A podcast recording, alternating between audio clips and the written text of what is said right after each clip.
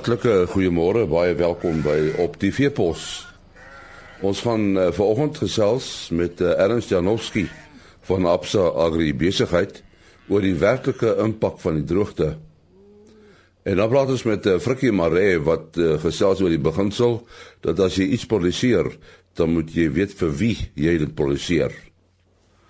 Ons uh, praat 'n bietjie met uh, met uh, Ernst Janowski van Absa Agri Besigheid. Uh nuus oor die droogte is natuurlik in die sin 'n ou nuus, uh, almal weet van die droogte. Maar Ernst, uh, is dit maklik om die volle omvang van die droogte nou al te bepaal? En nee, dit is 'n bietjie moeilik want die dobbelsteen is nog aan die lug as 'n mens daar reg kyk na reën in die laat laat gedeeltes en daar waar baie laat geplant is. Ehm um, het ons nog nie regtig syfers van alles wat geplant is nie. So dit is 'n bietjie moeilik om die volle omvang daarvan te bepaal. Maar as 'n mens net vinnig die som maak en 'n mens kan die som op 'n klomp maniere maak om te sê gaan gaan die gaan landbou regtig baie slegter daartoe wees dan dan is die die som nie so negatief as wat almal dink nie. Ehm um, as 'n mens net vat en jy uh, selfs al gaan jy na die na die slegste scenario toe wat uh byvoorbeeld graan Suid-Afrika vir jou sê en sê daar moet 5 miljoen ton mielies ingevoer word. Nou as jy vat ons het laas jaar rowweg 'n uh, uh, uh, oes gehad van 10 miljoen ton. Ehm um, voer uh, as jy 5 miljoen ton moet invoer dan dan dan die oeskat en seker hierso so in die omgewing van 5 miljoen ton as hulle dit hulle dit doen. Ehm um, sê dit sê nie dood eenvoudig vir jou dan dan jy 50% basiese uh, daling in in produksie gewees. En as jy dit dan vergelyk met die stygings in prys uh in die in die omgekeerde is is daar 68% 10% uh, stygings in prys. So dit kompenseer jou rowweg vir die verlaging in volume en dan aan die einde van die dag kan jy dan eintlik sê dat landbou eintlik 'n 'n groei gaan hê in terme van van die omset wat gaan plaasvind binne in landbou.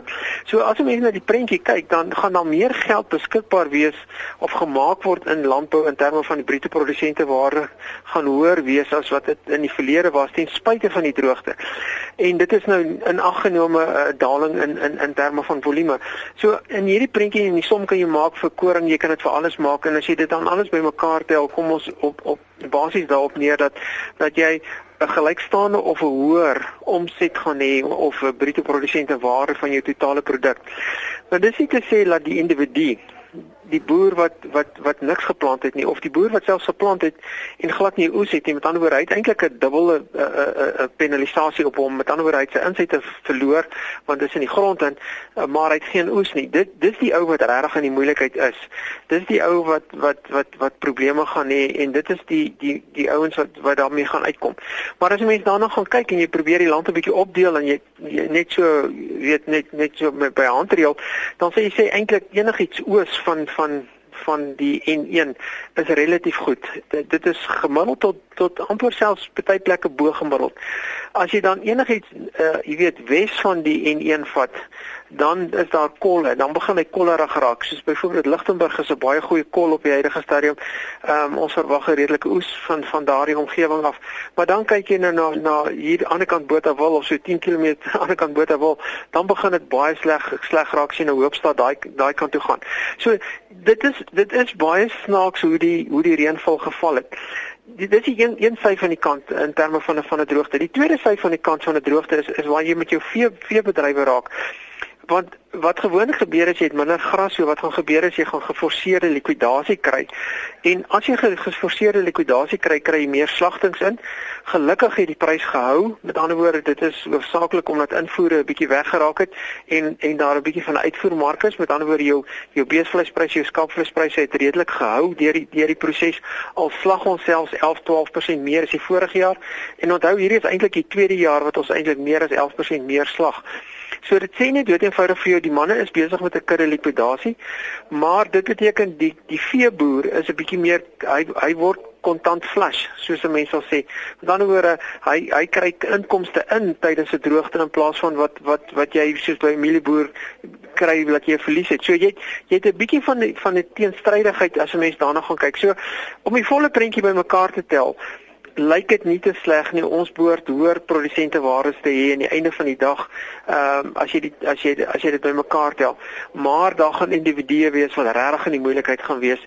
En en as 'n mens dan na aan die bank gaan kyk van 'n finansieringsoogpunt af en jy gaan kyk na na ons het ons het ons was by vermoë om die ouens redelik gemaklik te finansier om die oes in die grond te sit voor die voor hierdie oes wat ons wat ons nou oor so bekommerd is.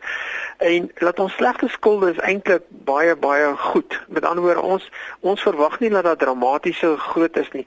En, en as 'n mens daarna gaan kyk dan dan kan 'n mens eintlik verwag dat ons uh, eintlik redelik gemaklik boere sal kan herstruktureer en deur die probleem vat um, in in die toekoms in die die ouens wat in die moeilikheid gaan wees is die heel klein boertjies. Dit is die ontwikkelingsboere tot 'n baie groot mate wat nie die nie nie die vermoë gehad het om kapitaal te ontsluit en nie die vermoë gehad het om van hierdie goed te bestuur nie. En dan praat ek nie eers van van ouens wat posisies geneem het op die futures markte en daardeur geld maak in plaas dat hulle uh, oes in en grond ingesit het nie.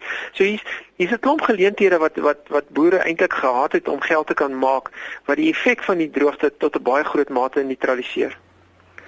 Ja, die munt het altyd twee kante. Dit was dan Ernst Janowski van Absa Agri besigheid. Maar nou eers veilingnuus. Op die 4 Februarie is daar die 8ste produksieveiling van Kroeks Doenies en dit vind plaas by De Put Edinburg 100 AA plus A ramme 2000 oeye en die veilingmaatskappy is BKB Kraddock. Tot sover veilingnuus. 1005 Ons uh, gaan nou 'n bietjie gesels oor die bepaling van verbruikersmarkte. En uh, aan die woord daar is uh, Frikkie Mare. Hy is veeplase vakadviseur vir plaasbestuur en finansies en ook 'n dosent in landbouekonomie aan die Universiteit van die Vrystaat. Dit klink so half logies nê, nee, Frikkie dat uh, as 'n mens iets vervaardig of as 'n mens iets produseer, dan doen jy dit om 'n bepaalde rede en dit is meestal om geld te maak. Uh, maar as jy nie 'n verbruiker het of 'n afsetpunt het nie, dan help dit nie uh, dat jy die goed produseer nie, né? Ja, nee, nee, dit is baie waar. Enige produk wat jy vervaardig, soos jy sê, is om geld te maak.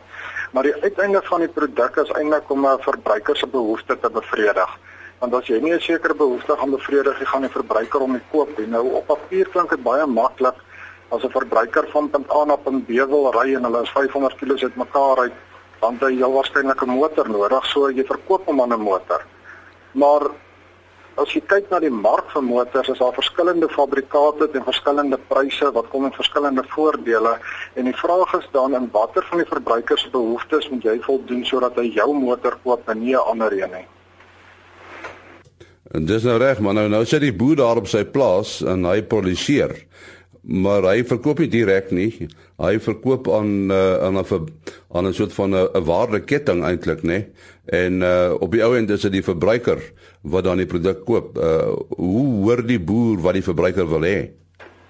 En ek dit moet gaan gepaard met marknavorsing. As ons kyk gebeur dit al hoe meer dat die wil aan bemarkings bemarkingsketting al hoe korter word.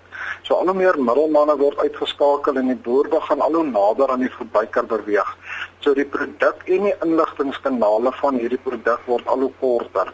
Nou indien 'n boer 'n sekere produk wil produseer, kom ons gebruik 'n voorbeeld van organiese lamsvleis, is daar nog steeds 'n sekere ketting wat hy moet volg, maar indien jy in 'n winkel gaan staan, is daar op meer as een soort organiese lamsvleis op die raak. So weer eens, hoekom gaan die verbruiker op die ou end joune koop en jou ketting ondersteun in plaas van die ander sin? En om daarvan seker te maak, gebruik hulle 'n proses wat ons aan die definisie van 'n mark noem.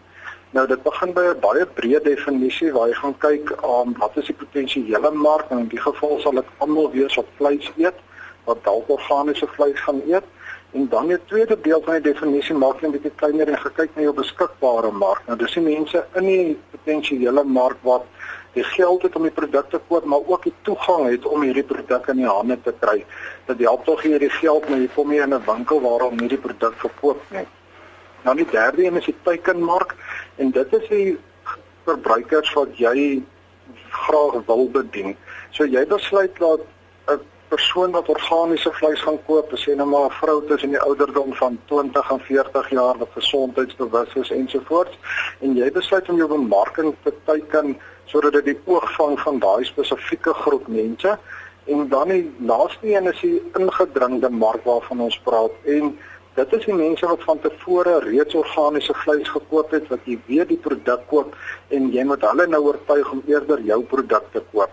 So die markdefinisie is 'n is 'n um baie spesifieke bepaling van wie op die ouend jou produk gaan koop en sodra jy dit weet, is dit baie makliker om die spesifieke mark te teiken. Nou wie moet eintlik die bemarking doen?